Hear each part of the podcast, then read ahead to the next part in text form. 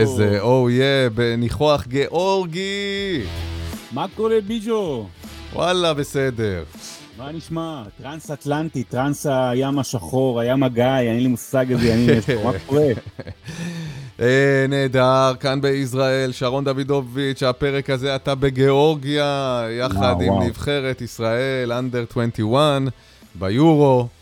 אה, מה שלומך? בסדר, מה קורה? מתגעגעים אליי שם בארץ? מאוד, מאוד. אה, פעם ראשונה שאנחנו מקליטים, אגב, לא, לא ביחד, אז אני נכון. מסתכל עליך אה, בגוגל מיט. אה, אני מקווה שהשיחה תעבור טוב, שישמעו טוב. אנחנו מתנצלים אם יש תקלות וכולי וכולי וכולי וכולי. ואיכות הסאונד אה, כן, תלויה באינטרנט הגיאורגי, בין היתר. ביז'ו בינלאומי. זהו, אתה יודע, אני תכף אספר לך קצת על גיאורגיה ובכלל על החוויה פה, אבל אני חושב שהדבר הכי אה, מפתיע ששמעתי פה בגיאורגיה, זה שהגיאורגים, בינם, זאת אומרת, הם, הם ייעלבו אם אתה תגיד להם הלו ביז'ו. וואלה. כאילו, לפחות לגברים, כי אה, זה קצת, מישהו הסביר לי את זה, זה טיפה אולי הגזמה, אבל זה טיפה כמו שאדם שחום עור בארצות הברית יקרא לאדם שחום עור בארצות הברית ניגר. אוקיי? תהיה סבבה, אבל אם אנחנו, אם מישהו אחר יקרא להם אז זה ייראה לא טוב, אז זה פחות או יותר על אותם גבולות, זאת אומרת, אתה קצת מעליב אותם. אה, אבל זה- לא הדבר הכי מטורף שקרה פה בשבוע האחרון. כן. אז מה הדבר הכי מטורף שקרה פה בשבוע האחרון? וואו. אה, קודם כל, אני חושב שגיאורגיה זו המדינה היחידה בעולם שיש בה מכוניות גם עם אה, הגה בצד שמאל, כמו בישראל, וגם הגה בצד ימין. למרות שהכבישים פה סטנדרטיים כמו אצלנו. אז למה זה, למה יש מכוניות בצד ימין, כאילו, גנבו מאנגליה? אני לא יודע, תשמע, תשמע, זו מדינה באמת באמת הזויה, אני אגיד הזויה. זו מדינה קודם כל באמת יפהפייה, יש פה נופים, עוצרי נשימה, הכל פה ירוק מסביב, אתה נוסע, אתה נוסע בין, בין עיר לעיר, תכף אספר לך על הנסיעות, אבל באמת נופים מטורפים. מצד שני, זו מדינה מאוד ענייה. אה, אפשר לומר שאתה רואה פה פרות תקועות בכביש, ממש עשרות, עשרות ומאות פרו, פרות בדרכים, דרכים עקלקלות, אה, מכוניות מאוד מאוד ישנות, אה, ואנחנו נמצאים בעיר שנקראת קוטייסי, שהיא במערב גיאורגיה, היא משהו כמו שלוש שעות נסיעה באוטוסטרדה ושש שעות נסיעה לא באוטוסטרדה כשהיא חסומה, ו... ואתה נוסע דרך כפרים ודרכים משובשות, אה, וזה... ויש לך שלוש שעות תחילות, אז זה שש שעות מרחק מטיבליסי, אוקיי, עיר הבירה, שלוש שעות פחות מבתומי, אה, חור, באמת באמת חור, אבל זה מדינה למי ש... מי שרוצה למצוא קצת, אה, מי שיש לו סבלנות, מי שיש לו את הרצון למצוא תרבויות חדשות. אה, להכיר, להפנים, ואם אם אתה נמצא פה כמה וכמה ימים, אז אין לך ברירה, ואז אתה מוצא פה את הקסם, אבל סתם ככה לחופשה, לבילוי, אני לא בטוח. לא, יש את אה, בתומי, שהיא עיר הנופש הגיאורגית. היית שם? הייתי שם. נסענו ללילה, כי יש פה ככה שלושה ימים בין משחק למשחק, נסענו למשהו כמו 24 שעות. מה, אה, חטפתי באמת, באמת הלם תרבות. כי? אני אגיד, אה, הסתובבנו שם, גם עיר הלאס וגאס שלהם, אבל גם מאוד זולה, מאוד מרופטת שכזו. ואז רציתי ללכת לראות מה קורה בקזינו, אני אוהב מדי פעם לשחק בקזינו, הלכתי לקזינו, נכנסתי, והייתה חפלה בתוך הקזינו. כן. לא סתם חפלה, הרבה מאוד חבר'ה מישראל, שטרות באוויר ומוזיקה רועשת, והופעה של מי הייתה טל ברמן? הופעה בקזינו של מי? הופעה בקזינו בבתומי של? של קוקו מאילת. לא נכון. בחיי, קוקו לא. מאילת מופיע שם עם תזמורת, ועושה שם בלאגן, ואתה יודע, ואנשים משחקים, ורעש אטומי, וכל העיר מסביב מאוד מאוד, אה, כאילו, עיר הח- עיר החטאים, אבל החטאים הזולים, אני אגיד את זה. כך. אה, אוקיי, היא באמת יעד מאוד פופולרי אצל חובבי קזינו ובילויים אה, ישראלים. אה, אני אגב הייתי בגיאוריה לפני שנתיים לאתר סקי. אה, וואלה. כן, יש שם אתר סקי נחמד לקפ- לקפיצות אה, קצרות. אה, היה נחמד, אבל רואים שזאת מדינה שבאמת התשתיות בה עדיין לא... בוא נגיד, אה, ב-level המערבי ואף אה, רחוק מזה, הפחד אלוהים היה לנהוג בכבישים, נוהגים כמו משוגעים. כל וואו. הכבישים המהירים זה נתיב אחד לכל כיוון, והם יוצאים שם לעקיפות. באיזשהו שלב אני זוכר שעצמתי עיניים כדי לא... אמרתי, אם אני אגיע, אני אגיע, אבל אם לא, עדיף שאני לא אראה את זה קורה, את המוות. אתה יודע מה קרה לי בעקיפות? אני חייב לספר לך. נסענו מקוטייסי לבתומי, ולקחנו איזה נהג מונית, באמת, שאלוהים ישמור. אגב, יש פה מכוניות היברידיות, אבל מחליפים להם, שזה יהיה כאילו מנוע רגיל, משהו, משהו הזוי. כן. אה, הוא יוצא לעקיפה מסוכנת, אתה רואה טנדר מולך, ואתה מפחד מהטנדר, הוא ואותך מפחד מהטנדר ממולך, וזה שני נתיבים. מגיע מישהו עוקף אותך מצד שמאל על השוליים. זאת אומרת, היו שתי מכוניות שעשו עקיפה מסוכנת מול טנדר, ואנחנו לא, לא, אנחנו הראשונה רק. אלוהים, אלוהים שישמור, באמת, אל תיסעו פה עם רכב. כן, אה? או, תנו, או, או עם עצימת עיניים, זה... כך תיסע בבטחה בגיאורגיה. אז אה, טוב, מה מצפה לנו בפרק הזה של לא כוחות? אה, בואו נדבר כמובן בהרחבה על נבחרת ישראל הצעירה, מה שקורה פה אה, ומה שגם צפוי לה בהמשך. דרמה במכבי תל אביב. Uh, עכשיו אנחנו בעיצומו של uh, עונה, עוצמה, עיצומה של עונת המלפפונים, שוק ההעברות בכדורגל הישראלי וגם בכדורגל העולמי. מכבי תל אביב מביאה מאמן זר נוסף, אה, שוב ללא ניסיון, רובי קין, אגדת אה, פרמייר ליג, אה, יהיה מאוד מאוד מעניין, גם על זה נדבר. כן, נדבר גם על הדראפט האחרון ב-NBA ועל השחקן שכולם כבר מדברים עליו ועוד ידברו עליו בהמשך. מילון, יש מילון היום, והמילון הזה קשור אליך גם בעקיפין, לא אליך אישית, אבל אל הסיטואציה שבה אתה נמצא, באליפות אנדר 21. אה, וגם נדבר על אולימפיאדה מסוג אחר, וגם אני אתן לך סיפור שהבטחתי בשבוע שעבר היסטורי, והיום נקיים אותו. אז מתחילים. יאללה.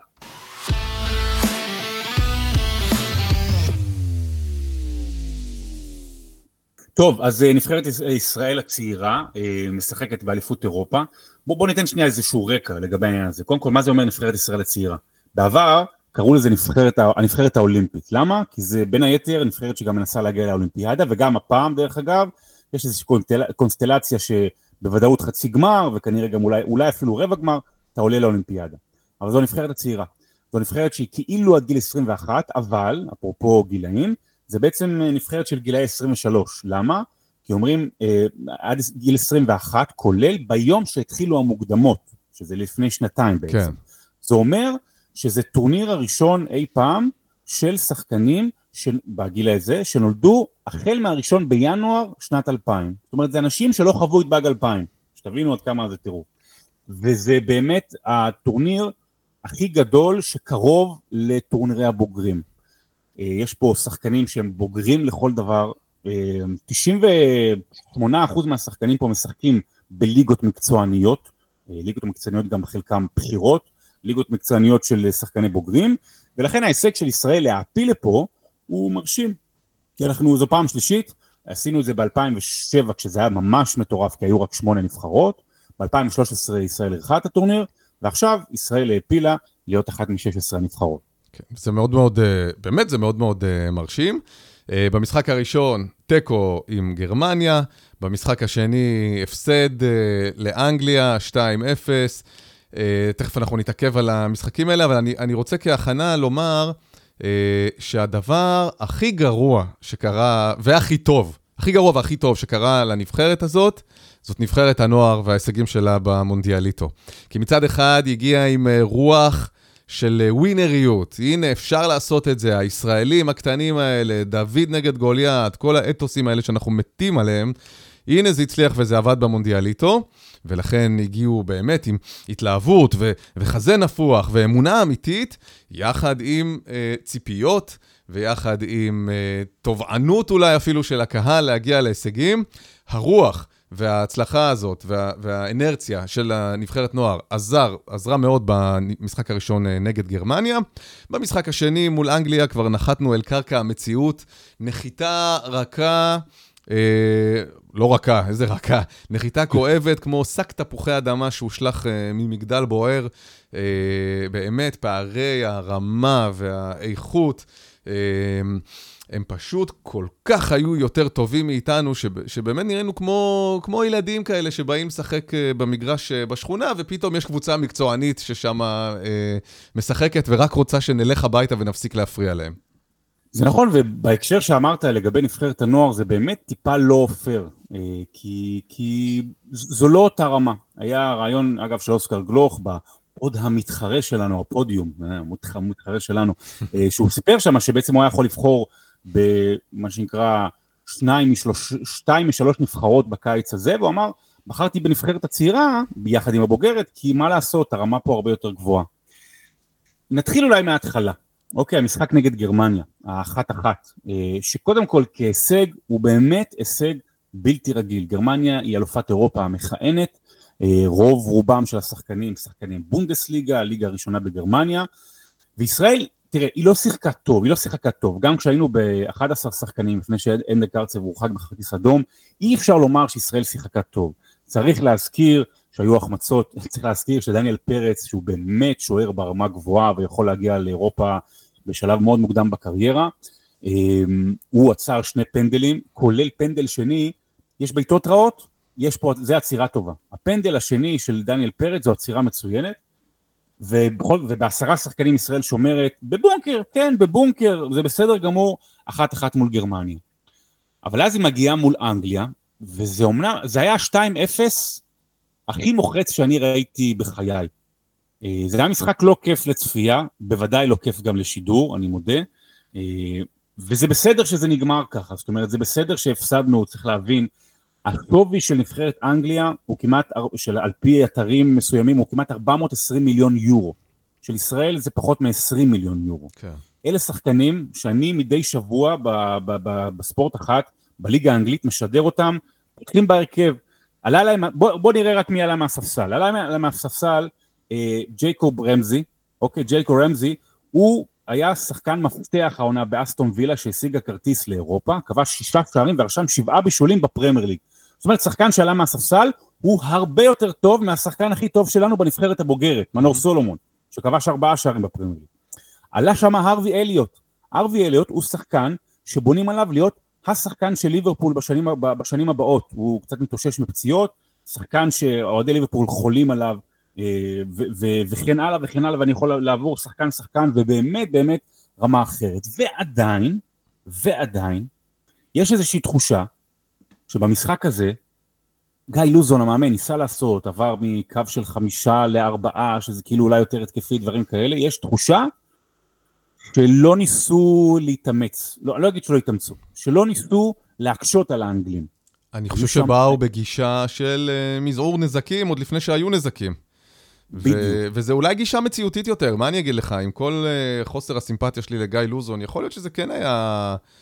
Uh, נכון, אתה בא מול אנגליה בסופו של דבר, עם כל הרוח וההתלהבות, אתה יודע, זה גם היה באותה קלות יכול להיגמר 5 ו-6-0. יכול להיות ש... אבל, אנחנו לא רוצים את הכדורגל הזה יותר, נמאס כבר מכדורגל של מזעור נזקים וצמצום אה, תבוסות. זה, זה לא... כדורגל של שנות ה-90. כן, של שנות ה-80 ושנות ה-90 ושנות ה-2000, די. אנחנו ראינו בזכות נבחרת הנוער שנבחרת ישראל כן יכולה לעשות את ה step-up הזה, לעלות לרמה, לשחק, אה, להסתכל בלבן של העיניים לנבחרות הכי טובות. ונכון, האנגלים הם הרבה הרבה הרבה יותר טובים, אבל משהו בהופעה של הנבחרת הזאת היה מבאס. אני טיפה ארחיב על זה גם uh, בהמשך במילון, אבל אנחנו מקליטים עכשיו את, ה, uh, את הפרק הזה, יום שלישי בבוקר. המשחק הבא מול צ'כיה מחר, נכון? צריך, חובה לנצח, קודם כל. בוא נשים, בוא נשים את הדברים על, על הסדר. קודם כל, עצם זה שישראל הגיעה למשחק האחרון בבית המוות, היא נמצאת בבית מוות, באמת, זה הבית הכי קשה בטורניר. אה, שיש לה עדיין סיכוי והיא פחות או יותר תלויה בעצמה כדי להפיל, זה כל הכבוד. זה לא ציפינו, אני מודה שלא אף אחד פה לא באמת ציפה, נכון. חשבנו שיהיו שני הפסדים. היא מחר צריכה לנצח את צ'כיה, לנצח את צ'כיה ולקוות שגרמניה לא תנצח את אנגליה, שכבר העפילה, אז בשבילה זה סוג של הפרוטוקול, מהמקום הראשון אגב, אז ואז ישראל תעלה מהמקום השני. אם ישראל מנצחת וגרמניה מנצחת, אז ישראל צריכה לנצח בשער אחד יותר מגרמניה, אוקיי? בעצם בשני שערים יותר, ואם יש אה, שוויון בנקודות ובהפרש שערים, הולכים לעניין הצהובים. קיצור בלאגן, עזוב mm-hmm. בלאגן, אבל כן. אני, אני רוצה להגיע לנקודה אחרת, שזה, זרקת אותה והיא אולי הנקודה המרכזית. גיא לוזון. תראה, אמ, אין את אותו הייפ שהיה לנבחרת הנוער. אין את אותו הייפ שהיה לנבחרת הנוער, אה, גם בגלל שנבחרת הנוער היה לה, נגיד יותר נוח, אבל היא, באמת, היא הצליחה, באמת הצליחה ובדרמה שהיא עשתה את זה, ובגלל המאמן. אופיר חיים אה, שבה את לב, את לב, לב אוהדי הכדורגל, הוא מעבר לזה, אתה איש תקשורת המון שנים וראית איך, הוא, ברגע שהוא חוזר, הוא בחדשות 12 ובאולפן שישי ועל השער של שבעה ימים, ובאמת זה מדהים שמאמן נבחרת נוער בישראל מגיע לכאלה גבהים של חשיפה תקשורתית, כי כולם אוהבו אותו. לעומת גיא לוזון, שמעטים מאוד בין אוהדי הכדורגל אוהבים אותו. ואני חייב לומר שהוא פה הוא ממש ממש בסדר, כן. באמת, הוא גם, ב, גם ברעיונות, גם מסביב, ומי שמכיר אותו במציאות הוא גם באמת בן אדם נחמד. אבל הוא יוצר כל כך הרבה אנטגוניזם, שקשה... לא, ב... לא במקרה ולא עושים לו שום עוול, וזה לא נגרם, אתה יודע, בגלל איזה עליהום תקשורתי. האנטגוניזם שיש כלפי גיא לוזון הוא בצדק. הוא לכל אורך הקריירה שלו, הוא, הוא... בוא נגיד ככה, בלטו אצלו שני דברים. תמיד יש איזשהו, אתה יודע מה, אני אגיד לפרשנותי בלבד, אוקיי? איזשהו תת זרם של אלימות מתחת לה, להכל. לשיחות שלו עם שחקנים, לשיחות שלו עם התקשורת, לניהול המשחק שלו. הכל תמיד באיזה מין זעם, איזה מין כעס כזה, שעוד שנייה רגע הוא מתפוצץ ומחריב את העולם. נתן סטירה לשחקן, נתן סטירה ונתן... לשחקן במשחקי הפלה ליורו הזה. נכון, ועל זה הוא גם חטף המון ביקורת. וזה לא רק מניירות, יש שם לתחושתי ולפרשנותי משהו כאילו... ר... כזה evil, כזה זעם כזה כל הזמן, כמו איזה הר געש. זה לא נעים. עכשיו, זה גם לא רק uh, התנהגות, כאמור. Uh, הוא, יש לו המון uh, uh, יציאות, אני לעולם לא אשכח לו את האמירות הגזעניות כלפי אשכנזים, שנחשפו uh, לפני משהו כמו 13-14 שנים, uh, כאילו העיתונאים האשכנזים שמנסים להתנכל לו. הוא דמות בעיניי מאוד מאוד לא חיובית בהתנהלות הזאת, מה גם שאני חושב שאילו הוא לא הביא או עשה איזה שהם הישגים מדהימים, יוצאי דופן, ראויים לציון, לא השפיע על הכדורגל באיזשהו, אה, אה, אתה יודע, דרך חדשנית, לא הביא שום דבר חדש למשחק, אה, אילולי הדוד שלו היה יושב ראש ההתאחדות לכדורגל, אני לא בטוח בכלל שהוא היה מגיע רחוק כפי שהגיע מבחינת משרות אימון. אתה יודע, אני גם זוכר, נדמה לי בסיבוב הקודם שלו מבחינת הנבחרת, שהוא אימן בזמן היורו של הצעירות שאירחנו כאן בישראל לפני עשר שנים. הישג גדול של אה, דודו אבי לוזון, שהצליח להביא את זה לכאן. אני זוכר, הייתי בהרבה מהמשחקים, בטדי. אה, והוא אמר שהוא, כאילו הגישה שלו הייתה בכלל שהוא לא צריך ללמוד את הנבחרות האחרות. כן, כן. הוא לדעתי אמר את זה בצורה, זאת אומרת, הוא לא יודע אפילו כלום על השחקנים בנבחרות האחרות. זאת לא מקצוענות שאתה מצפה ממאמן נבחרת אה, באלף הזה. נקרא לזה ככה, ואני באמת לא חושב ששום דבר מקצועי לא הצדיק את המינוי המחודש שלו אה, לתפקיד מאמן הנבחרת, ואתה רואה גם שזה לא... זה לא מחזיק, אני לא רואה גם איזה אהבה גדולה בינו לבין השחקנים. זה מרגיש מאוד uh, מודבק ומלאכותי הסיפור הזה, וחבל, כי הנבחרת, uh, גם הצעירה, היא לא צעצוע פרטי של אף אחד. וכדאי שהאנשים היותר ראויים uh, יחזיקו בפוזיציות האלה. אני לא אומר שהוא מאמן רע, אבל אני לא חושב שהוא מספיק טוב בשביל להיות מאמן נבחרת. יותר מזה, אני אגיד לך, ואולי בזה נסגור את העניין עם לוזון, אין שום היגיון במינוי שלו. אין שום היגיון במינוי שלו לנבחרת הזו, כי בשנים האחרונות הוא באמת חווה המון כישלונות, כולל הכישלון האחרון כשהוא אה, פוטר במכבי פתח תקווה, שאחרי זה גם ירדה ליגה. אה, אין שום היגיון, כי הקו בנבחרת בשנים האחרונות היה לעלות כל פעם מאמן מנבחרת צעירה יותר לנבחרת הגדולה יותר. זה למשל אלון חזן, שהוא היה בנבחרת הצעירה, שאגב עשה 94% מהעבודה להפלה ליורו הזה, ואז בגלל העבודה הטובה שלו קיבל את הנבחרת הבוגרת וכחלק מהקו, ופתאום דווקא גיא לוזון הוא זה שמוקפץ לפה. אבל אני אגיד כן דבר אחד, למה אולי גיא לוזון כן מתאים לגישה פה בבית המוות הזה פה ביורו. גיא לוזון פורח כשהוא אנדרדוג מובהק. כשכולם נגדו, כשאין שום סיכוי, כשעל המגרש צריך להתגונן, כשצריך להפתיע, כשצריך לעקוץ, שם הוא יכול לפרוח, וזה מה שראינו אגב במחצית השנייה מול גרמניה. אז להגיד לך שזה היה מינוי מוצדק? ממש לא. אבל בוא נמצא את הטוב בכל דבר, והלוואי, הלוואי, הלוואי שישראל תנצח מחר את צ'כיה, ואם לא, אז לפחות אף אחד לא יתגרש ממני בבית. אני, אה, כן, אתה נשאר עם, אה, כמובן, עולים שלב. אה, אני מאוד מאוד מאוד רוצה בשביל הנבחרת שהיא תעפיל לשלב הבא, זה יהיה הישג אדיר לכדורגל הישראלי, וגם זה יהיה בזכות גיא לוזון, אי אפשר, אתה יודע, לשלול ממנו את ההישג הזה. זה לא שולל את זה שהביקורת על המינוי שלו היא מאוד מאוד מוצדקת.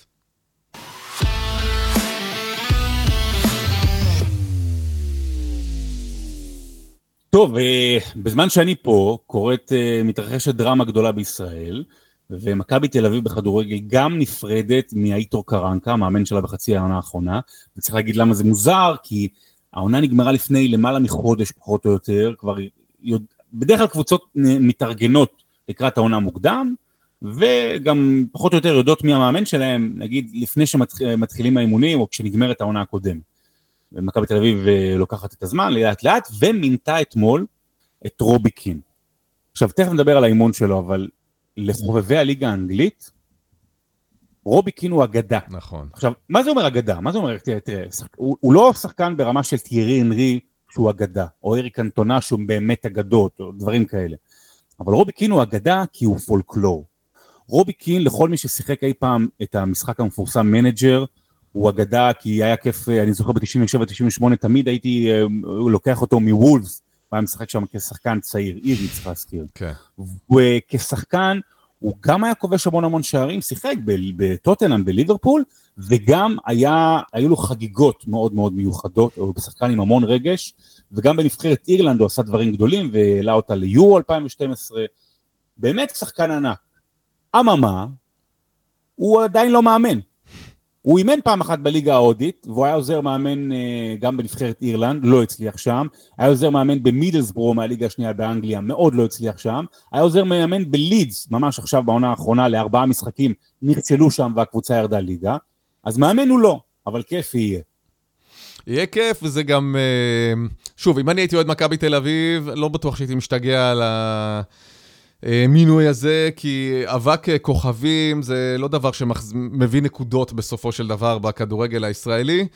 אה, אני אזכיר את אה, לוטר מתאוס, שהובא לכאן אה, לאמן את מכבי נתניה.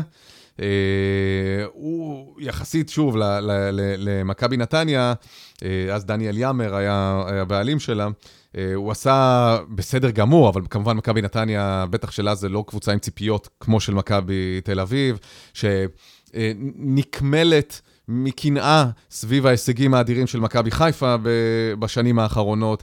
מכבי תל אביב הייתה צריכה מאמן עם אה, ניסיון, עם רזומה, עם יכולת אימון מוכחת כדי להחזיר אותה למקום הראשון מבחינת האוהדים ומבחינת ההנהלה. מכבי תל אביב קבוצה שרואה את, את אה, מכבי חיפה בליגת האלופות ובא לה למות. לא בטוח שרובי קין, עם כל הזוהר ואבק הכוכבים כאמור שהוא, שהוא מביא איתו, והוא סלב על בעולם הכדורגל, לא בטוח שהוא אשם. מכבי תל אביב זה לא מועדון קטן, זה לא מועדון שאפשר לעשות עליו אה, אקספרימנטים כאלה. אה, אז אני לא יודע אם מישהו שלא אימן אף פעם קבוצת כדורגל יכול, כמאמן ראשי, יכול לבוא ולקחת את uh, מכבי תל אביב. וואלה, זה הימור, אתה יודע, דיברנו על מסאי דגו במכבי חיפה. מדהים ששתי הקבוצות הבכירות של הכדורגל הישראלי עושות כאלה הימורים אה, גדולים לקראת העונה הקרובה. מה זה אומר? איזה מין עונה מצפה לנו? ומי שקצת מכיר את הדיבור בכדורגל, יש את ההימור הקבוע, מי יגיע לחנוכה? מי, יגיע, מי ידליק נר ראשון? לחגים, כן. אז זהו, העונה מתחילה נדמה לי סוף אוגוסט, נכון? יש גביע טוטו כן. קצת uh, קודם, ואני, לתחושתי, מישהו מהם לא ידליק נר ראשון, uh, לא יאכל סופגניה בחדר ההלבשה. אה, או מסיידגו או רובי קין.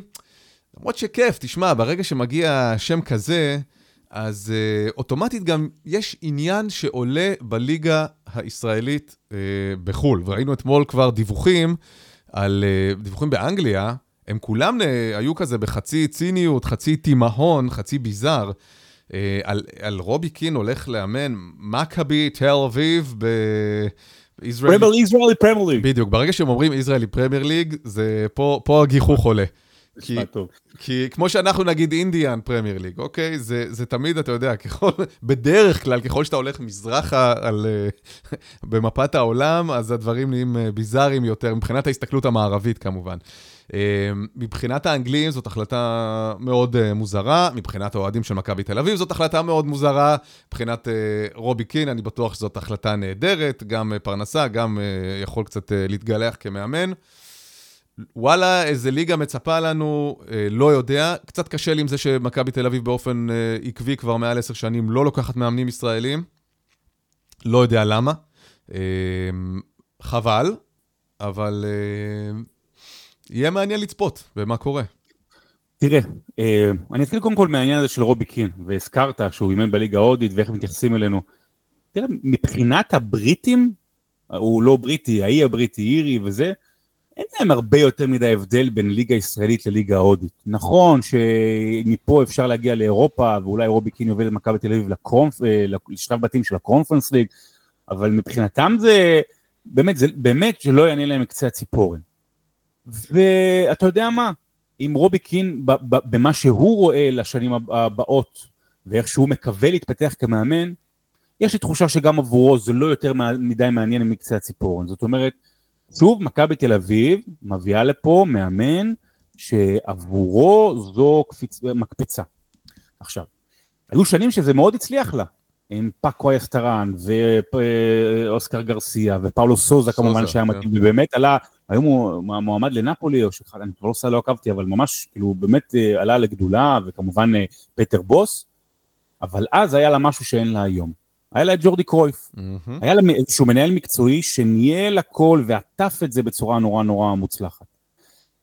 לגבי ההשוואה למאסי דגו, במקרו, תראה, במיקרו למטה זה כמובן לא אותו דבר. בכל זאת יש הבדל לבן אדם שהיה המון המון שנים בפרמייר ליג, ולמד תחת מאמנים מאוד מאוד טובים.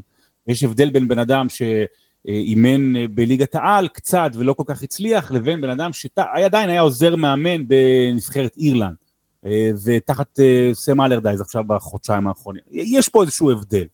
במקרו אין הרבה הבדל. זאת אומרת, אי אפשר שאוהדי מכבי תל אביב יצחקו על מסיידגו, מסיידגו סליחה, ואוהדי מכבי חיפה, אז אי אפשר לצחוק על רובי קין. זה, במובן הזה, במקרו, בחלק העליון, במעטפת העליונה, זה די דומה. ואני אגיד עוד משהו, וזה מה שאמרת בסוף, באופן אישי קשה לי מאוד עם הגישה המתנשאת, המתנשאת הזו של מכבי תל אביב. אני לא מבין, אני, אני מבין ולא מבין, אין, אין שום היגיון בעולם מלבד השם שאומר שרובי קין יותר טוב מרן בן שמעון. Mm-hmm. אין שום סיבה בעולם שזה יהיה רובי קין ולא זיו אריה, אגב, שעשה עונה נהדרת וגדל כמאמן במכבי תל אביב, יש את העניינים של התקשורת. יש פה איזושהי גישה מתנשאת, מתנשאת ש, שהיא לא מוצדקת בשנים האחרונות, זאת אומרת, אתה לא מביא על זה קבלות, והיא נורא נורא מציקה לי כאוהד הכדורגל הישראלי. מקווה שנראה עונה מדהימה, שהוא יפתיע, ומסיידגו יפתיע, ושיהיה לנו כדורגל טוב במדינת ישראל, אנחנו כל כך צריכים את זה, הליגה שלנו כל כך צריכה שיהיה בה כדורגל טוב. אז אם זה רובי קין, או מסיידגו, או רן קוז'וק, יאללה, רק, רק שהרמה כבר תעלה, ו... ואז בדיעבד ננתח את זה ונגיד, וואלה, דווקא עשו החלטה חכמה.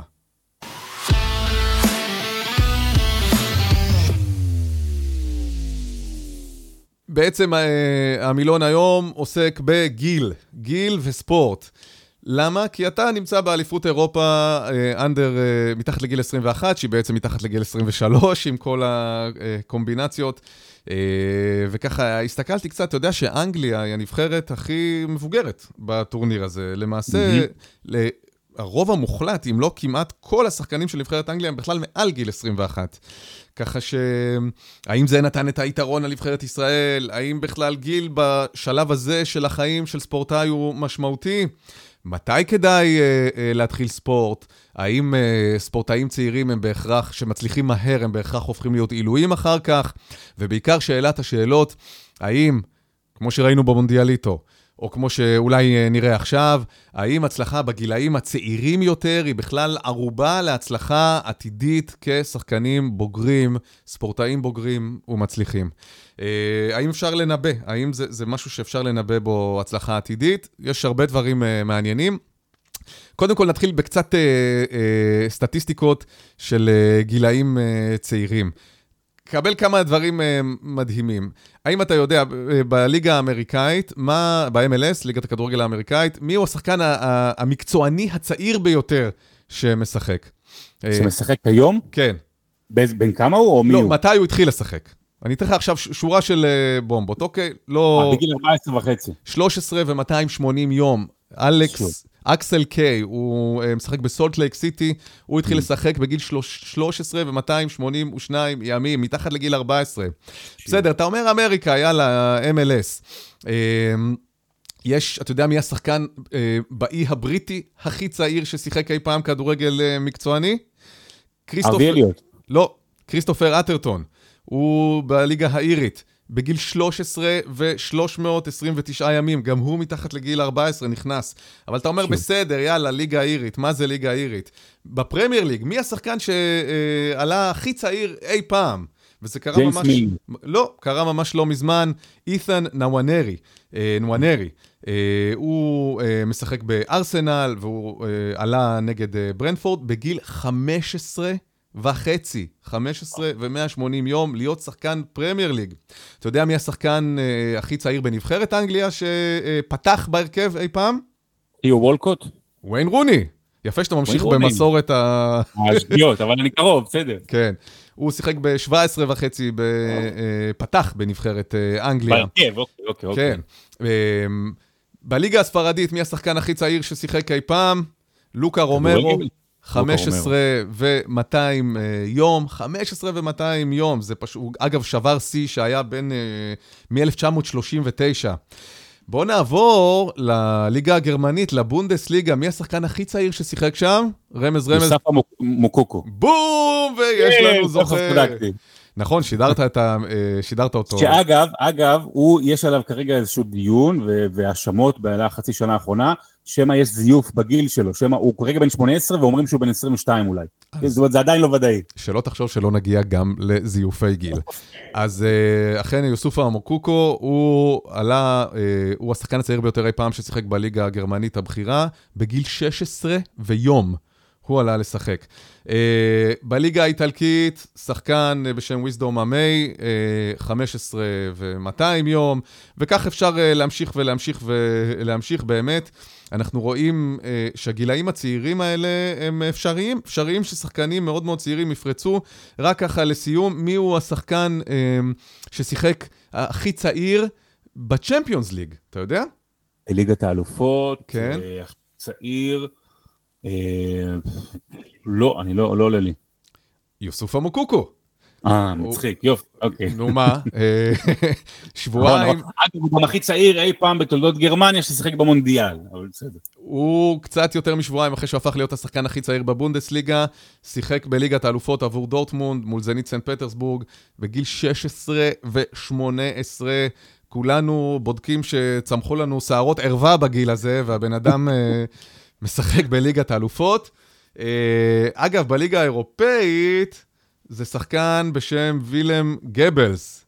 אה, אה מעניין איך הוא שיווק את זה, איך הוא פרסם את זה. כן, ומה כתוב לו על החולצה? אני אישית לא מכיר אותו, הוא משחק בליון, אבל בוא נגיד שזה מישהו שלא כדאי לשכוח. אז איך מצליחים בגיל כל כך מוקדם? איך השורה הזאת של הכוכבים האלה בעצם מצליחה להצטיין בגיל כל כך מוקדם? יש מחקר גדול של איגוד המאמנים הקנדים, והם גילו בעצם שבגיל 12 כבר יכול להיווצר פער של 4 שנים מבחינת ההתבגרות הפיזית בין ילדים אה, שונים. כולנו מכירים את זה, 12 זה כיתה ו', נכון? בכל כיתה, ילד בכיתה ו', תמיד יש את המסופם עם השערות אה, ברגליים, ויש, את, ויש את זה... אבל... כן, ויש את זה... בגיל, ש... בגיל 13, בגיל, בבר מצווה, הזמנתי את החבר'ה להדליק נר, אוקיי, בבר מצווה. כן. היה, היה צחקוק במשך שש דקות בקהל, כי יש מטר שמונים, שמזמין את החברים שלו מטר ארבעים וחמש, מטר חמישים להדליק איתם איתו נר. בדיוק. אה, אז, אז בגיל 12 זה יכול להיות פער של ארבע שנים אה, לכאן או לכאן, וכאן אנחנו מגיעים למשהו שהוא מבאס אה, ממש. כי ילדים שהם בוגרים יותר מבחינה פיזית, כלומר מתבגרים מהר יותר מבחינה פיזית, הם נוטים יותר להצליח בספורט. כי הם, יחסית לבני גילם, חזקים יותר, מהירים יותר, חדים יותר, אבל כאן נכנס הדבר המבאס הזה, אוקיי? אה, הרי בגילאים האלה זה מחולק לפי קבוצות או נבחרות של קבוצות גיל. כלומר, בעצם החזקים והמפותחים יותר, באותו רגע, הם נבחרים לנבחרות, וזה עושה עוול לילדים שהרבה פעמים מתבגרים מאוחר יותר. ויכול להיות שהם אפילו כישרוניים יותר, כאשר הם יתבגרו ויפתחו ויממשו את הפוטנציאל הפיזי שלהם. אבל מה קורה? בגלל שלוקחים את החזקים ואת אלה שהתפתחו מוקדם לנבחרות, אלה שמתפתחים מאוחר יותר ולא מתקבלים לנבחרת באותה שכבת גיל, כבר בעצם פורשים מהספורט, ו- ורבים מהם בעצם אף פעם בכלל לא חוזרים לעסוק uh, בספורט תחרותי.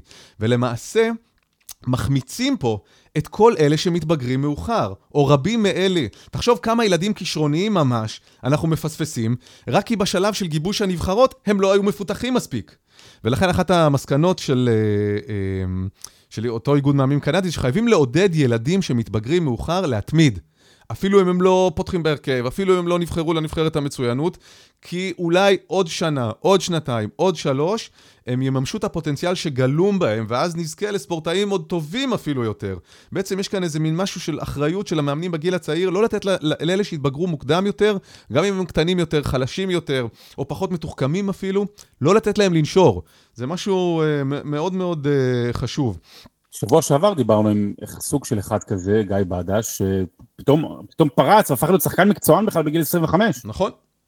אמ, לקראת סוף גיל, גיל ההתבגרות, אותם מתפתחים מאוחרים, הרבה פעמים פורצים והופכים להיות ספורטאים טובים יותר, אפילו מאלה שהתפתחו מוקדם יותר.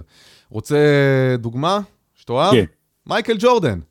Mm. מייקל ג'ורדן, יש עליו את הסיפור הגדול והידוע, שהוא בעצם נופה מנבחרת הכדורסל של חטיבת הביניים שלו. עכשיו, זה קצת מיתוס, כן? הוא לא באמת נופה מהנבחרת של חטיבת הביניים, הוא פשוט הורד לנבחרת uh, משנית יותר uh, בחטיבה, כי הוא היה גם קטן יותר uh, פיזית, רק מטר שבעים ושבע בחטיבה. אחרי זה, שהוא התפתח פיזית והוא היה מהמתפתחים פיזית המאוחר יותר, הוא באמת צמח והפך להיות מטר תשעים ושמונה והפך להיות מייקל ג'ורדן. אבל אם היו מוותרים עליו עוד אז בחטיבה, יכול להיות שלא היינו זוכים למייקל ג'ורדן. עכשיו, מתי מתחילים את הספורט? אתה גם בתור הורה אה, לילדים קטנים. יש mm-hmm. תמימות, תמימות דעים מוחלטת בקרב כל המומחים, שעד גיל 6 או 7 אין שום טעם בלרשום את הילד לספורט מאורגן, קבוצתי ותחרותי. אין לזה בוא. שום ערך או משמעות. עדיף לתת לילד לרוץ, עדיף לתת לילד לשחות, שישחק באופן חופשי. אה, וגם אם מתחילים איתו מוקדם מדי, זה לא נותן לו שום יתרון. מבחינה מחקרית בדקו את זה, שום יתרון להתפתח כספורטאי אה, מקצוען או מצליח בגיל אה, מבוגר יותר. עוד נקודה uh, מעניינת, מחקר של אוניברסיטת יוטה בדק, ומצא שהגיל הממוצע של פרישה מספורט הוא 11. Uh, הרבה מאוד מאוד ילדים הרי משחקים בקבוצות ילדים בכל ענפי הספורט השונים, וגיל 11 זה בדיוק מתחבר למה שדיברתי עליו קודם, זה בדיוק הרגע שבו הדרישות נהיות מחייבות יותר, כלומר עולים ליותר אימונים בשבוע, דורשים יותר uh, פיזיות באימונים, לעומת הגוף של בנים בייחוד, שטרם מתפתח, הרי בנים מתפתחים אחרי בנות, בנות כבר בגיל 11 מתחילות להתפתח, נכון. בנים לוקח להם, אז אם אתה מתפתח מאוחר, וגם העצימות שדורשים ממך באימונים היא הולכת וגדלה, אז נושרים ונושרים ונושרים, ולכן גיל, אתה יודע, ממש קו שבר כזה, גיל 11, אה, זה גיל הפרישה אה, הממוצע, רוב הרוב, רוב הילדים פורשים בגיל 11. דיברנו על צעירים, בואו נדבר קצת על זקנים. אתה יודע מי הכדורגלן הכי, אה, הזק... הכי זקן שפעיל היום? היום אה, הוא... אה, אסמואה ג'יאן, הוא פרש עכשיו לפני שבוע, סתם אני זורק. לא. הוא מיורה קזויושי, הוא יפני, הוא בן 56. הוא משחק איפה? הוא משחק בליגה השנייה בפורטוגל. וואלה. באוליברנס, הוא חלוץ. אה, הוא מושל מיוקוהמה, הוא עשה המון תארים באסיה, בנבחרת יפן הוא שיחק, הוא שיחק גם באיטליה, בקרואטיה, באוסטרליה, ועכשיו כאמור הוא אה, משחק בפורטוגל. קריירה מקצוענית שנפרסת על פני 38 עונות. זה דבר uh, פסיכי. ניסים כהן היפני. בדיוק. Uh, מי עוד? קצת יותר מוכר? בופון. ש... בופון עדיין משחק בין 44 בפארמה בליגה 45, הליגה השנייה באיטליה. בופון, אולי גדול שוערי איטליה, תארים, מונדיאל, אליפויות, יובנטוס, פארמה, פריס סן ג'רמן, עדיין פעיל, עדיין uh, משחק uh, בין 45. Uh, ואגב, מעניין שמתוך שלושה השחקנים הפעילים הכי מבוגרים בעולם, שניים מהם שוערים. ובכלל, שוער זה עמדה שאתה יכול להזדקן בה בכבוד. הקריירה של שוערים היא הרבה הרבה הרבה יותר ארוכה. אז זה לגבי זקנים. הזכרת קודם שקרני גיל. יש המון מקרים של זיופים של גיל. זה במיוחד קורה במדינות עולם שלישי, שאין בהם רישומים מדויקים של תאריכי לידה. לא כי הם שקרנים, אלא כי פשוט המנגנונים שם והמערכת שם הרבה יותר חלשה. אין תעודות לידה, הרבה פעמים זה קורה, רוב הפעמים זה קורה במדינות אפריקה, אה, זה קורה גם לפעמים במדינות אה, דרום אמריקה, אה, והרבה פעמים, זה לא רק בתמימות, יש אינטרס להצעיר שחקנים. כי אם את קבוצה אירופאית, עדיף לך להחתים כישרון עולה מאפריקה שהוא בן 17, מאשר בן 21. זה ברור מבחינה מקצועית, זה ברור מבחינה כלכלית, אז הרבה פעמים מצעירים להם את הגיל כשהם עושים את העלייה צפונה. מעל ה... במטוס מעל הים התיכון נושרות להם אה, שנה, שנתיים בדרך כלל, כי, כי ככה זה יותר אה, משתלם אה, לכולם. אגב, גם בישראל כאן זה קרה. בוא נגיד, לפחות יש סימני שאלה או קצת מחלוקת. אנחנו זוכרים את יגביני יעקובו, חלוצה האגדי של מכבי חיפה, שהגיע לכאן בגיל 17. לכאורה. רבים פקפקו אם זה אכן אה, גילו האמיתי. אגב, אה, ממש לאחרונה היה גם את המקרה של שבאז מוחמד, אה, כדורסלן ב-NBA, נכון. שהתגלה שהוא שיקר בשנה לגבי הגיל שלו, כדי שיחתימו אותו מהר יותר. הוא גם שיקר לגבי מקום הלידה שלו, אבל זה כבר סיפור של תא משפחתי הרוס. אנקדוטה מעניינת שיש שחקן הודי בשם גורב מוחי, אוקיי? הוא בגיל 16 עלה לכותרות בתור השחקן הצעיר ביותר בליגה ההודית הבכירה. כישרון מבטיח, חלוץ עם פוטנציאל אדיר שעתידו לפניו, רק שאחרי כמה שנים מסתבר שעתידו כבר קצת מאחוריו, והוא בעצם שש שנים מבוגר יותר מהגיל שבו הוא נרשם. אה, שש שנים, זה ממש אה, להשתין מהמקפצה, זה ממש חוצפה. לשקר ככה. אה, הגנים ההודים, מה אני אגיד לך, אולי זה, זה עבר לו בתור, אה, להציג את עצמו בתור אה, בן 16, אז הוא הושעה לשנתיים, ואחר כך הוא חזר לשחק. עכשיו לשאלת השאלות, האם אפשר לדעת באמת מה צופן העתיד? האם הצלחה בנבחרות הצעירות מבטיחה הצלחה בתור ספורטאים, בתור uh, מקצועני על, הכוונה? כלומר, האם, האם הצלחה בנבחרות הצעירות מבטיחה שתהיה בטופ? אז uh, חוקרים מאוניברסיטת אוסלו בנורבגיה עשו מחקר מקיף על 1,500 שחקנים בנבחרות הצעירות, ובדקו מה קורה איתם בהמשך, כלומר, מה הסיכויים שלהם להפוך לשחקנים מקצוענים ברמה הגבוהה. ויש פה תוצאות אה, אה, מעניינות מאוד. המחקר הזה מראה שניסיון תחרותי בנבחרות נוער וצעירים זה, זה מנבא מוגבל מאוד להצלחה בכדורגל מקצועני. כי נהוג לחשוב שרק אצלנו בעצם, אתה יודע, אומרים כל הזמן, הם לא עושים את המעבר, הם מצליחים בגילאים הצעירים, מה קורה איתם uh, בהמשך? למה הכדורגל שלנו מחרב אותם כשחקנים בוגרים? אז ככה, הנבח... להשתתף ברמת מתחת לגיל 21, זה באמת המנבא החזק והעקבי ביותר סטטיסטית, כדי אחר כך להפוך להיות כדורגלן, מה שנקרא ברמת uh, סופר אליט. השתתפות בגיל אנדר 17 נמצאת כמנבא חסר משמעות, או אפילו שלילי. להשתתפות העתידית בכדורגל הבינלאומי ברמה הגבוהה. כלומר, אם אתה בנבחרת של המדינה שלך, ב- של אנדר 17, mm-hmm. זה לא אומר כלום, אולי אפילו אומר ההפך מבחינה סטטיסטית, ליכולת שלך להצליח ברמה הכי גבוהה כשחקן uh, בוגר. בנבחרת הנערים. כן. בנבחרת אנדר 19, זה, זה ככה. זה הנוער. כן, זה ככה ככה, זאת אומרת, זה, זה, זה מנבא ממוצע כזה. חלש יותר מיכולת הניבוי של uh, uh, ברמת uh, מתחת לגיל uh, 21. אז באמת, אם כבר מישהו שרד עד נבחרת גיל 21, uh, יש לו את הסיכויים הגדולים יותר גם להפוך להיות שח... אה, ספורטאי, כדורגלן במקרה הזה, ברמה הגבוהה ביותר. זה כמובן מושפע מהמון דברים, האופן הלא לינארי שספורטאים מת... מתפתחים, הרבה משתנים אה, סביבתיים, אה, בכל מדינה כמובן זה מטופל באחרת, אבל כן היה מאוד מאוד מעניין לגלות את זה, שנבחרת נוער, נערים לא אומרת כלום. על היכולת שלך להתפתח אחר כך כשחקן מקצוען, ויש לזה השלכות מערכתיות. למה, הם אומרים החוקרים הנורבגים? כי בעצם, תחשוב, משקיעים המון משאבים בנבחרת מסוימת, ובמיוחד עד גיל 17, אוקיי? לוקחים אותם לפרויקטים ומבדילים אותם. ובעצם, אם, אם בעצם המציאות מראה שזה לא אומר כלום על ההצלחה בהמשך, על ההתפתחות שלהם כשחקני על, זה אומר שאולי צריך לפזר את המשאבים רוחבית יותר. כלומר, לא להתמקד ב- בסגל אחד מצומצם בגילאים האלה, אלא mm-hmm. לבנות רוחבית, אה, לפזר רוחבית את הכסף, לטפח רוחבית הרבה הרבה שחקנים, שאולי בסופו של דבר מהם יצמחו עד 19 ועד 21, ואז גם תהיה לנו נבחרת אה, בוגרת אה, אה, מצטיינת. לסיום, ידידי, אני, כן. אני עוד אה, חצי שנה בן 50. אז יש עוד סיכוי שתפרח, כאילו, יש עוד אה, סיכוי כן. שימצאו אותך. ב under 17. אה, מה, רציתי לבדוק מה הספורט המקצועני הכי ידידותי לקשישים. אוקיי? הליכה לאחור. לא. זה דווקא הספורט שנראה הכי מוזר, או קצת נלעג אפילו. תן ניחוש. אני יודע. כן? פטנק, פטנק. לא, לא, פטנק, זה ש... קרלינג, קרלינג. קרלינג, בדיוק. קרלינג, ברור. אני, אני לא חושב שפטנק הוא, ספורט מקצועני. לא, לא, אוקיי. אה, אבל, אבל קרלינג הוא ללא, ספק. שווה להקדיש פעם פרק לקרלינג, זה בכלל נולד באגמים הקפואים של סקוטלנד, לא משנה. הרי בקרלינג יש את. מי שדוחף את האבן, ויש את אלה שמשתמשים במטאטא. מנקים. נכון, הם מחליקים את הקרח כדי שהאבן תגיע ותיעצר בדיוק על המטרה שלה. אז כדי להקל על מבוגרים, הכניסו לפני 20 שנה אה, לשימוש.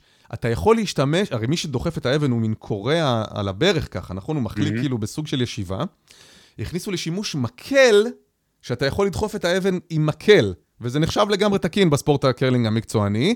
בעצם אתה לא צריך להתכופף, הרי מה כואב למבוגרים? איה, איה, אגב, אגב. נכון? ברכיים, כן. גב, ברכיים. בקיצור, בספורט קרלינג, אה, בליגה מקצוענית בקרלינג, מותר להשתמש במקל שדוחף את האבן, ולכן אפשר למצוא לא מעט שחקנים מקצוענים בקרלינג בגיל מבוגר. 60, 70, אפילו 80. אתה יודע מה הגיל של שחקנית הקרלין המבוגרת ביותר uh, לפי ספר השיאים של גינס? היא שיחקה עד שנת 2020, פרשה לפני שלוש שנים. אני אנחש שזה 84. 102. 102, ראיתי סרטון של המחליקה, הלוואי עליך ועליי. אז... אה, עוד נגיע לשם. בדיוק. אז uh, לסיכום, אתה דווקא רואה שם את הנבחרת שממנה כן אמורים להתפתח השחקנים המקצוענים הבאים של נבחרת ישראל. חשוב שיצליחו, חשוב שיחזרו משם עם uh, תחושה של הישג ויכולת, כי בסופו של דבר זה יכול להקרין על הנבחרת הלאומית הבוגרת שלנו, ואז לא נצטרך uh, לניסים מול אנדורה.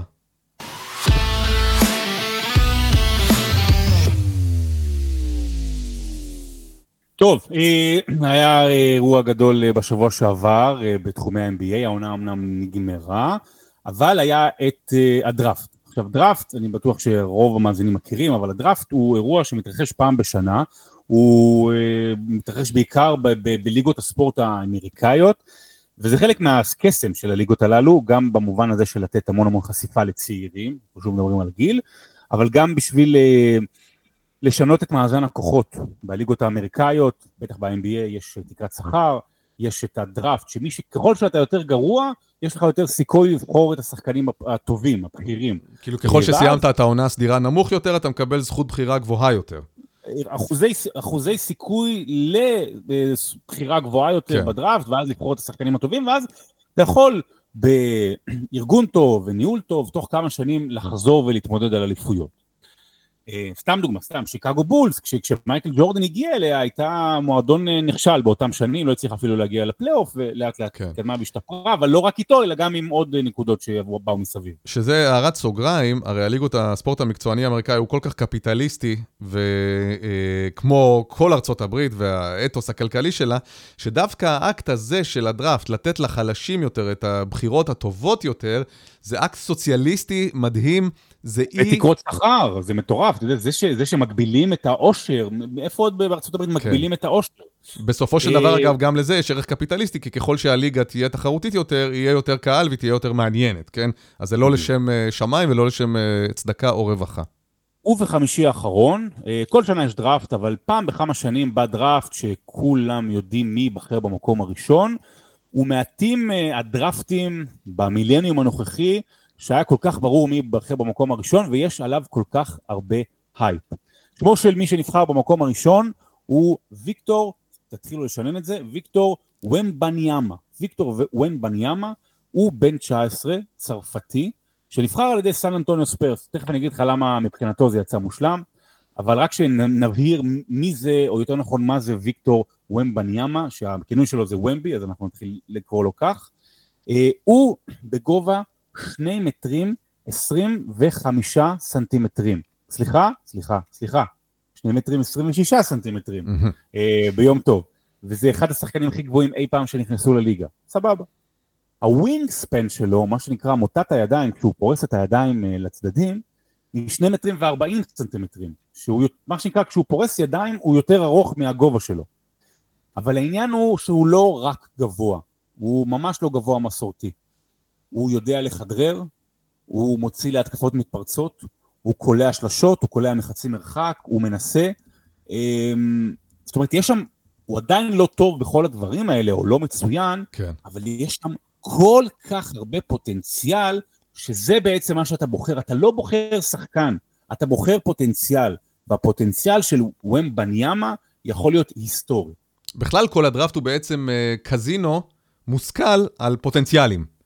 כי יש כל כך הרבה סיפורים, אתה רק סיפרת בשבוע שעבר, או לפני שבועיים, את uh, סיפורו של יוקיץ', שנבחר כמה? 34, 35? 41, 41, כן. והנה הפך להיות אולי השחקן הטוב בעולם ברגע הנתון הזה.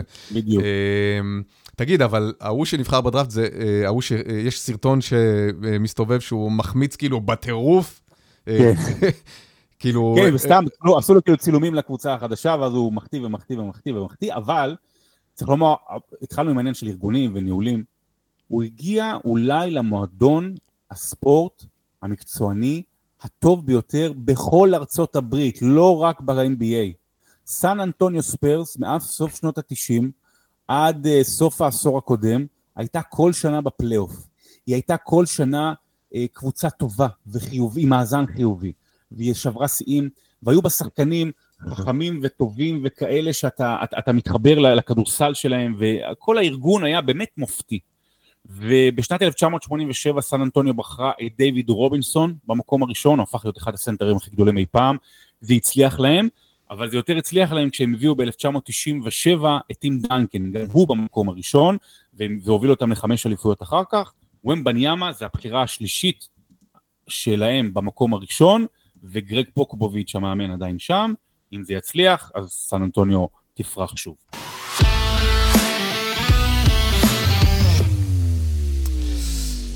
שמע, Uh, בסוף השבוע האחרון, בעצם זה הסתיים אתמול נדמה לי, uh, קרה משהו ממש ממש מדהים והיסטורי ומשמעותי, וכדאי שנתעכב עליו אפילו בקצרה. Mm-hmm. בעצם בסינגפור הייתה אליפות האי-ספורטס הראשונה שהיא בחסות הוועד האולימפי. אני לא יכול, אני לא יכול להסביר כמה, כמה מטלטלת הכותרת הזאת, אבל זה אירוע באמת ש, שאני לא מבין איך לא פתח מהדורות של אה, ספורט וכותרות ראשונות ב, ב, בכל אתרי הספורט, כי זה משהו... אתה מדבר על, על, על, על uh, גיימינג, על, על uh, פורטנייט, על כל השטויות האלה? בסדר, בסדר. תראה. לא, על זה. אתה מבין, זאת בדיוק ההתייחסות המזלזלת. של אנשים שפחות מבינים, אני אקרא לזה בעדינות, אוקיי? תראה, יש כאן אה, אה, כמה שלבים של אבולוציה. כולנו יודעים מה זה ספורט, אוקיי? מדברים על ספורט, אוהבים ספורט, סבבה. ב-20 שנים האחרונות אה, התחיל לצמוח ענף שנקרא e-sports, אלקטרוניק ספורטס, שזה בעצם, בגדול, משחקי מחשב.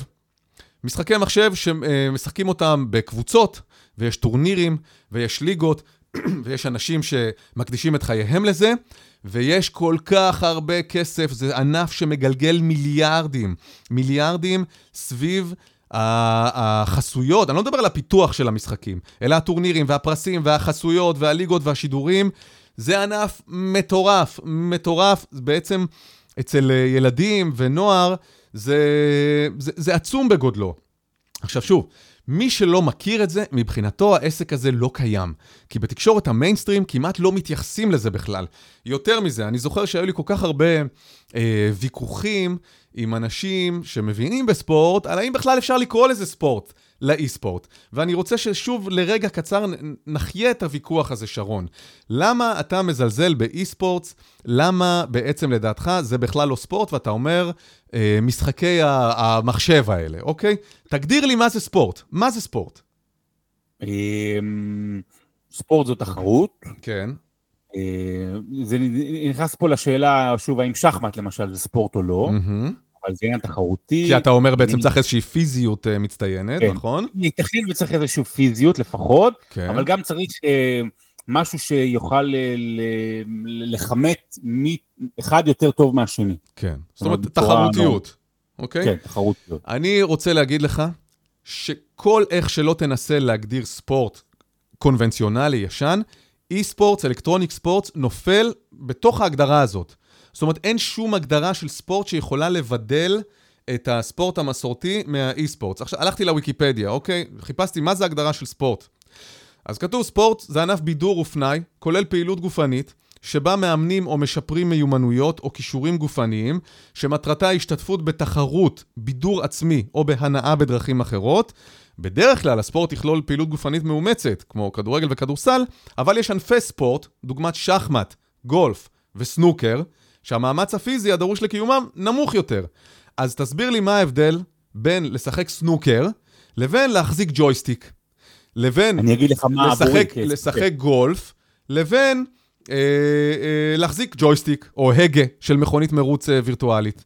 מה ההבדל? אני, אני כצופה, זאת אומרת, יותר, אני, אני פחות, יותר אתחבר לאדם שהוא מבצע את הפעולה, ואני מסתכל על הסנוקר ולאן הוא לוקח את הכדור, או אפילו הגולף, לראות איך הוא מבצע את התנועה בצורה מושלמת יותר, מאשר להסתכל על אדם שבעצם עכשיו מתקתק על מחשב. כן, אני, אבל... זה מה שאני רואה כשאני מסתכל על זה. לא, אבל כשאתה רואה אי ספורט, אתה בעצם רואה את האדם יושב, נכון, מחזיק את הג'ויסטיק, מחזיק את המקלדת, אה, מה שזה לא יהיה, או עכבר, אבל אתה רואה על המסך את הייצוג של אותו אדם במרחב הווירטואלי-דיגיטלי, ווטאבר, עושה את אותה פעולה שדורשת מיומנות, כישרון, פעולה שמשתפרת על ידי אימון. הרבה פעמים זה בקבוצות, יש משחקים כמו League of Legends או, או Fortnite או דברים כאלה שאתה עובד בקבוצה. זאת אומרת, יש את כל האלמנטים של ספורט קונבנציונלי קיימים גם ב e-sports. עכשיו... אז זה מגיע לאולימפיאדה, אתה אומר? עוד זה, זה... ב-2030? הרי הוועד האולימפי בוחן המון המון דברים כדי לרענן ולחדש את המשחקים האולימפיים כן. המכונים אולימפיאדות, כדי שהם יישארו רלוונטיים ומסקרנים. לצורך העניין הזה מכניסים אה, ענפי ספורט חדשים, כמו גלישת גלים, כמו סקטבורד, כמו כל מיני דברים כאלה, אל mm-hmm. המשחקים. עכשיו הם בוחנים גם את העניין הזה של האי-ספורטס. ובעצם, מה שהיה בסינגפור, כאמור, זאת האולימפיאדה או האליפות, כי האליפויות של אי-ספורטס יש כבר הרבה, הרבה מאוד שנים, ויש ערוצים שמשדרים, אבל זו הייתה הפעם הראשונה שזאת הייתה אליפות בחסות הוועד האולימפי, עם הלוגו, עם האתר של הוועד האולימפי העולמי, הכל הכל כאילו סוג של אולימפיאדה. שם הם עשו גם אבולוציה של הדבר הזה. זאת אומרת, זה לא היה רק אנשים יושבים ומשחקים בג'ויסטיק, אלא למשל היה אה, סוג של דואטלון, שאנשים עולים על אופני כושר, רוכבים על אופניים בתוך משחק המחשב, גומרים את הקטע, רצים להליכון של ריצה.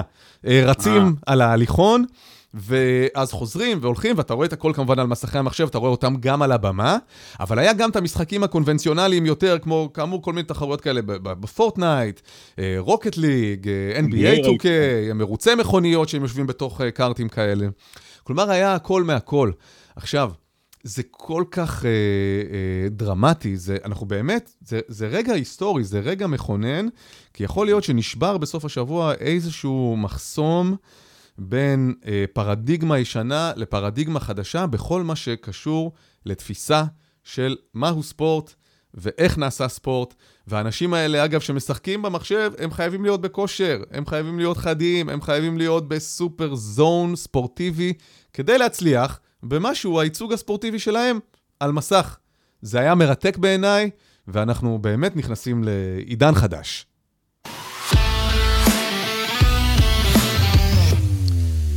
וכשתחזור, אתה מוזמן אה, אליי הביתה, תקבל אה, בראש בפיפא.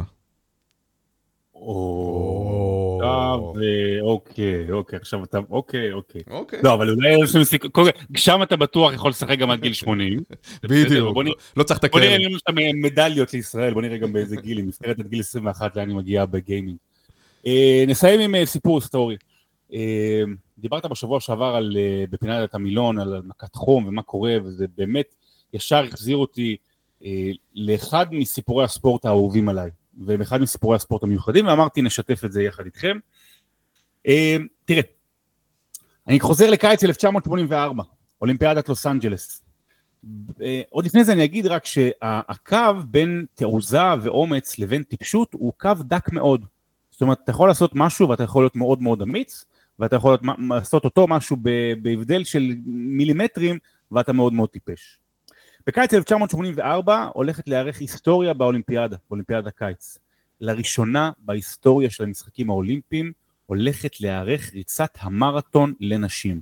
ב-1984 עד אז נשים לא הורשו לרוץ אה, מרתונים באולימפיאדה. אה, למה? אה, בגלל הדעות השוביניסטיות של בעבר, שהיו חזקות מאוד. אה, לא נתנו לנשים לרוץ את הריצות הארוכות. אמרו שהן לא מסוגלות ברמה הפיזית, אמרו שזה יפגע בהם, אמרו שהם אה, יישברו מהר יותר מגברים, אפילו הלכו רחוק יותר ואמרו שזה יפגע להם ברחם. זאת אומרת, היו מחקרים כל מיני כאלה, ואמרו, זה יפגע בהם. יש את התמונה המפורסמת ממרתון בוסטון בסוף שנות ה-60, של אישה שמנסה לרוץ במרתון של בוסטון, וחבורת גברים פשוט אה, תופסת אותה ומוציאה אותה מהדרך, כי לנשים אסור היה לרוץ. אבל אה, 44 רצות מגיעות לצהרי היום בלוס אנג'לס, אל מול קהל מלא של 80 אלף צופים, וב-36 מעלות חום, למעלה מ-40 אחוז לחות, ויוצאות לדרך. אחרי שעתיים וחצי פלוס מינוס, אה, מסיימת במקום הראשון בחורה אמריקאית בשם ג'ואן בנואה, כבוד לה, כל הכבוד, מדליסטית הזהב הראשונה אי פעם שזוכה בזהב, אה, אבל אותה לא, ההיסטוריה לא כל כך זוכרת. לפעמים ההיסטוריה זוכרת גם מי שלא סיים במקום הראשון, אפילו לא מי שלא סיים עם מדליית הארד. 20 דקות בערך חלפו מאז שז'ואן בנואה סיימה את הקו, ועדיין האצטדיון מלא לגמרי, חם טילים בלוס אנג'לס, ולפתע נכנסת אל האצטדיון דמות מוזרה. לאצטדיון נכנסת גבריאלה אנדרסון שייס. גבריאלה אנדרסון שייס, שוויצרית בת 39, שהגיעה בערך לתחרות בטח הגדולה האחרונה שלה, אמרה יאללה בוא ננסה. נזכיר רק שנגיד ששבע רצות כבר פרשו במהלך הדרך, וגבריאלה אנדרסון שייס נכנסת ומתחילה להתנדנד מצד לצד. היא לא רצה, היא הולכת, היא ממש מתנדנדת, כמעט נופלת, הולכת אחורה, והיא צריכה עדיין להקיף את האצטדיון, שוב מול, מול uh, קהל מלא. והצוות הרפואי עוקב אחריה, ומנסה לראות מה איתה. והיא אומרת להם לכו ממנו, היא אפילו מתרחקת מהם כשהיא באפיסת כוחות, אותו המכת חום שסיפרת בשבוע שעבר, היא נמצאת במצב הזה, השרירים שלה לא מגיבים, היא נראית כמו, נראית כמו זוהר ארגוב בימים הרעים שלו, אוקיי? ממש ככה הולכת מצד לצד. אם, נוג, אם הם נוגעים בה, הצוות הרפואי, זה אומר שהיא נפסלת, זה אומר שזהו, נגמר מבחינתה, והיא 400 מטרים לסיום. ובשידור של NBC האמריקאי, הפרשנית, הייתה פרשנית שליוותה את המרוץ, והיא אמרה, מה היא עושה? היא יכולה להרוג את עצמה. זה מה שאומרת הפרשנית. והיא הולכת, ממשיכה ללכת, והיא כמעט נופלת מצד לצד, אז היא מגיעה לקו הסיום, ומתרסקת לקו הסיום, אבל היא עוברת את הקו. והתמונה שלה, כשהיא מנסה להגיע לקו, הפכה להיות אחת התמונות ההיסטוריות בתולדות האולימפיאדה. היא מגיעה, היא מסיימת את התחרות, היא במקום ה-37 מתוך 44 רצות, והיא בסדר. אגב, ספוילר, אחרי שעה של טיפול, נתנו לה מים, נתנו לה אינפוזיה, היא בסדר גמור, קמה על הרגליים, אבל תראה איזה קו דק בין תעוזה לבין טיפשות. כי אם חלילה היה קורה לה משהו רציני, אם חלילה היא הייתה מתה, הרי דיברנו על זה שבוע שעבר, שבמרתון תל אביב לפני פחות מעשר שנים, נהרגו שניים בגלל מכת חום. אם זה היה קורה, תחשוב מה זה היה עושה לכל התנועה הפמיניסטית, לכל אלה שאמרו, הנה גם נשים יכולות לרוץ, מה היו, איך היו, זה היה מתדלק את כל השוביניסטים בעולם הספורט, שברור לך שהם לא חסרים. אבל גבריאל אנדרסון שייס, הכל בסדר איתה, והיא הפכה להיות אחת מהתמונות ההיסטוריות הגדולות ביותר בתולדות האולימפיאדה, כשהיא כמעט נופלת ומצליחה להגיע לקו הסיום. התמונה הזו היא מסמלת את הרוח האולימפית, היא מסמלת את רוח האדם בספורט, ואפילו בספר שכתבנו לפני שנתיים, אני ואלעד זאבי, בין שלל הדמויות שהיו שם בכריכה, שמנו את אה, גבריאלה אנדרסון שייס כמייצגת את רוח הספורט. סיפור מדהים.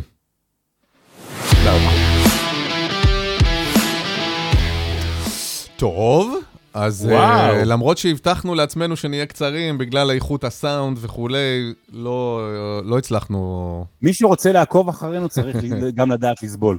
בטוב וברע. בדיוק. Uh, שמע, היה כיף. כן. Uh, וקודם כל שיהיה לך, שיהיה נבחרת ישראל בהצלחה מחר מול צ'כיה. כן. ושיהיה לך שידור מוצלח. הלוואי. Uh, לא שאלתי אותך על האוכל, אגב. אה, האוכל פה סבבה לגמרי. כן. אתה לא יכול כל מיני מטעמים גיאורגיים כאלה? יש, כן, הרבה בצקים, הרבה כן. גבינות. אה, גבינות אני פחות מתחבר. הם אוהבים לקחת פה את הזמן. באופן כללי, גם באוכל, גם במסעדות. אתמול ישבנו פה במסעדה, נכנסנו אליה בשמונה וחצי, יצאנו ב-11.40. ולא בגלל שממש ממש נהנינו. כן. שחיכינו שעה וחצי לאוכל. גם אני גאה בנו ש... הצלחנו להעביר אה, שעה ושש דקות בלי אה, בדיחות אה, גרוזינים, שזה גם מלכודת קלה ליפול אליה, כן? אני פה, מאזינים לי, אתה רוצה שמישהו פה ייתן לי מכה בראש? טוב, אז שבוע הבא, רגע, אם הנבחרת עולה לגמר... כן. אם עולה לגמר, אז שבוע הבא נעשה את זה גם שוב. שוב, כן. נסמוך על האינטרנט הגיאורגי. אז טוב, תהנה, בהצלחה שרון. תודה רבה. ביי. ביי ביי.